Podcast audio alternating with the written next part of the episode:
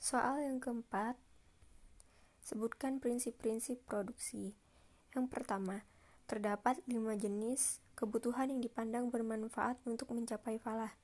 Yang pertama, kehidupan, dua, harta, tiga, kebenaran, empat, ilmu pengetahuan, dan lima, kelangsungan keturunan. Selain itu, Islam juga mengajarkan adanya skala prioritas. yang pertama ada daruriyah, hajiyah, dan tahsiniyah. Yang kedua, kegiatan produksi harus memperhatikan aspek-aspek sosial kemasyarakatan. Jadi, produksi bukan hanya menyangkut kepentingan para produsen atau stockholders, tapi juga secara, masyarakat secara keseluruhan atau stakeholder. Yang ketiga, permasalahan ekonomi muncul bukan saja karena kelangkaan, tapi lebih kompleks.